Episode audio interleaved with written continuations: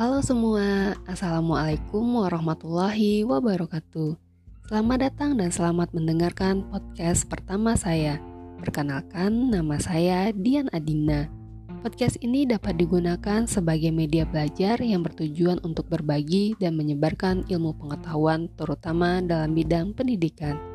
Episode pertama kali ini akan membahas mengenai telaah kurikulum Beberapa di antaranya yang harus kita pahami adalah mengenai pengertian kurikulum, peranan kurikulum, fungsi kurikulum, dan manfaat kurikulum. Semuanya akan kita bahas satu persatu. Baiklah, kita mulai dari pengertian kurikulum. Terdapat dua pandangan terkait dengan pengertian kurikulum, yaitu pandangan lama dan pandangan baru. Berdasarkan pandangan lama, kurikulum merupakan serangkaian mata pelajaran yang harus dicapai oleh peserta didik untuk memperoleh ijazah.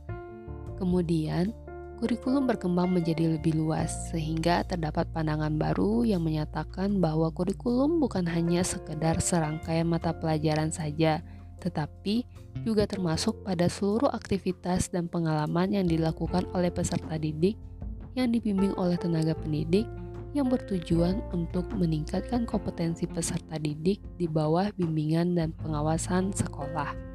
Untuk melihat perbedaan antara kurikulum lama dan kurikulum baru, terdapat enam pembanding. Di antaranya yang pertama yaitu orientasi. Kurikulum lama berorientasi pada masa lampau karena berisikan pengalaman pada masa-masa lampau. Sementara orientasi pada kurikulum baru adalah masa sekarang sebagai persiapan untuk masa yang akan datang. Yang kedua, dari dasar filsafat pendidikan. Kurikulum lama tidak berdasarkan filsafat pendidikan yang jelas, sulit dipahami, dan tidak ada kesatuan pendapat di antara kalangan pendidik tentang filsafat pendidikan yang dianut. Kurikulum baru berdasarkan pada filsafat pendidikan yang jelas, yang dapat diajarkan dalam serangkaian tindakan yang nyata dalam kehidupan sehari-hari. Yang ketiga, berdasarkan perkembangan utama. Kurikulum lama berdasarkan pada tujuan pendidikan yang mengutamakan perkembangan segi pengetahuan akademik dan keterampilan dengan mengabaikan sikap, cita-cita, dan sebagainya. Sementara kurikulum baru bertujuan untuk mengembangkan keseluruhan pribadi peserta didik. Yang keempat, korelasi. Kurikulum lama berpusat pada mata pelajaran yang diajarkan secara terpisah atau hanya ada korelasi untuk beberapa mata pelajaran saja, sehingga mata pelajaran hanya berfungsi sebagai alat. Kurikulum baru disusun berdasarkan masalah topik tertentu, sehingga kurikulum dibentuk dalam bidang studi yang sangat luas atau dalam bentuk integrasi dari semua mata pelajaran. Yang kelima, perbandingan dilihat dari sumbernya. Kurikulum lama hanya didasarkan pada buku mata pelajaran atau textbook saja sebagai sumber dalam mengajarkan mata pelajaran. Meskipun buku-buku tersebut sering diperbaiki, namun bahan yang terkandung di dalamnya sering tidak up to date lagi. Sementara kurikulum baru bertitik tolak dari masyarakat dalam kehidupan keseharian yang disesuaikan dengan tingkat perkembangan, minat, dan kebutuhan individu. Buku hanya sebagai sumber pelengkap. Dan pembanding yang terakhir dilihat dari pengembangan kurikulum. Kurikulum lama dikembangkan oleh masing-masing guru secara per orang.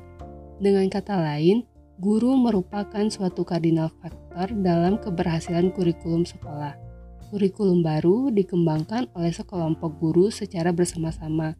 Setiap guru terikat pada konsep yang telah disusun oleh kelompok dengan tidak mengurangi kebebasan guru untuk mengadakan beberapa penyesuaian dalam batas-batas tertentu. Terdapat banyak pengertian kurikulum yang telah dikemukakan. Berikut beberapa di antaranya.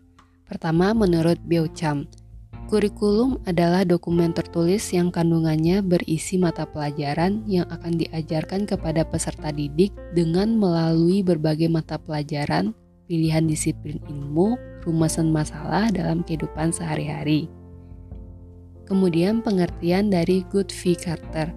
mengemukakan pendapatnya bahwa pengertian kurikulum adalah kumpulan kursus ataupun urutan pembelajaran yang sistematik.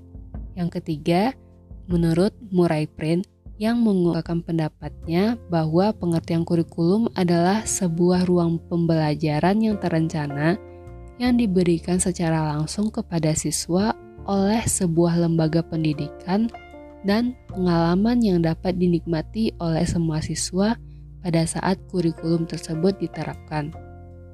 Dan yang terakhir menurut Undang-Undang Nomor 20 Tahun 2003 Kurikulum merupakan seperangkat rencana dan pengaturan mengenai tujuan, isi, dan bahan pembelajaran, serta cara yang digunakan sebagai pedoman penyelenggaraan kegiatan pembelajaran untuk mencapai pendidikan nasional.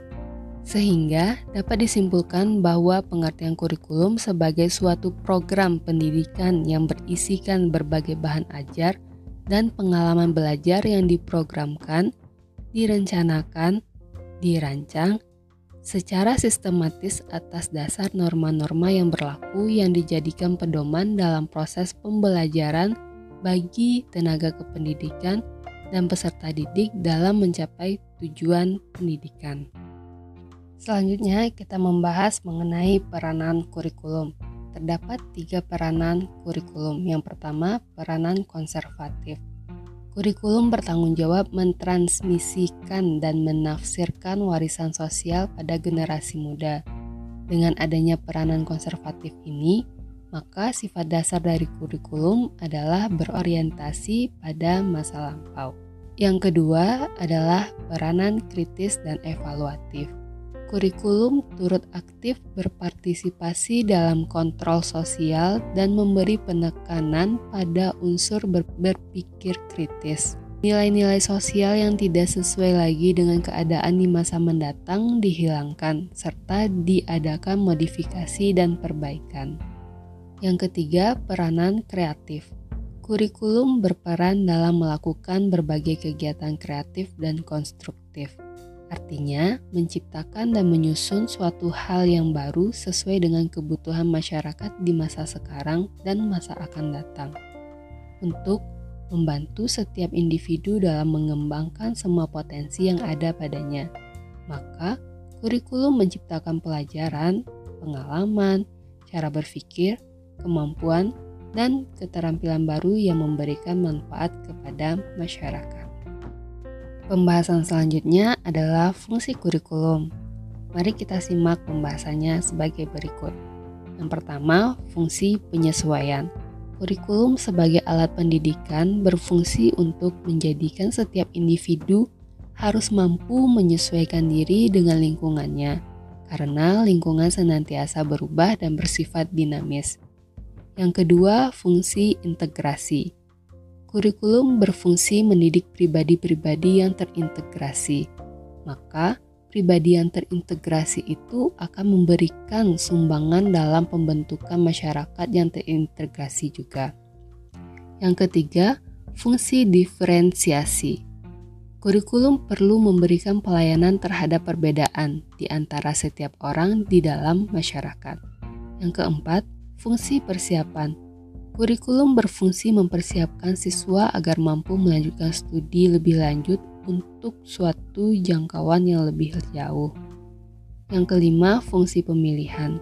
Kurikulum disusun secara luas dan bersifat fleksibel sehingga memberikan kesempatan kepada seseorang untuk memilih apa yang diinginkan dan menarik minatnya.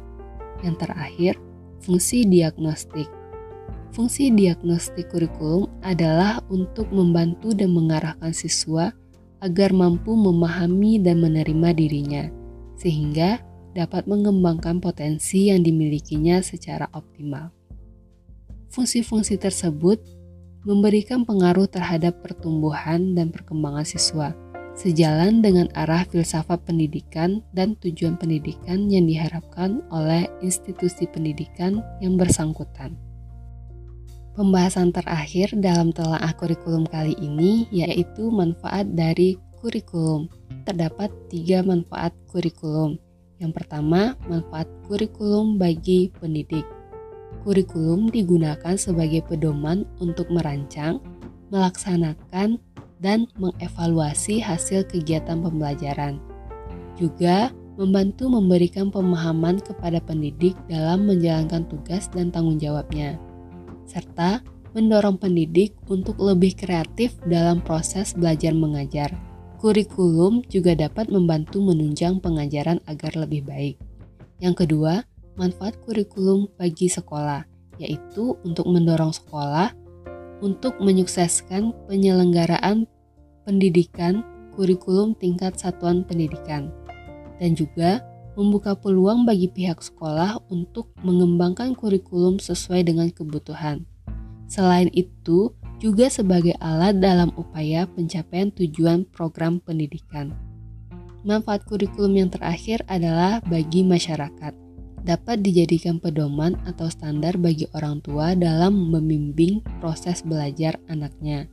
Dan juga masyarakat dimungkinkan untuk ikut berpartisipasi dalam mengembangkan dan menyempurnakan program pendidikan, yaitu melalui kritik dan saran yang membangun. Demikianlah pembahasan kita mengenai telaah kurikulum. Semoga bermanfaat. Sampai bertemu lagi di kesempatan berikutnya. Wassalamualaikum warahmatullahi wabarakatuh.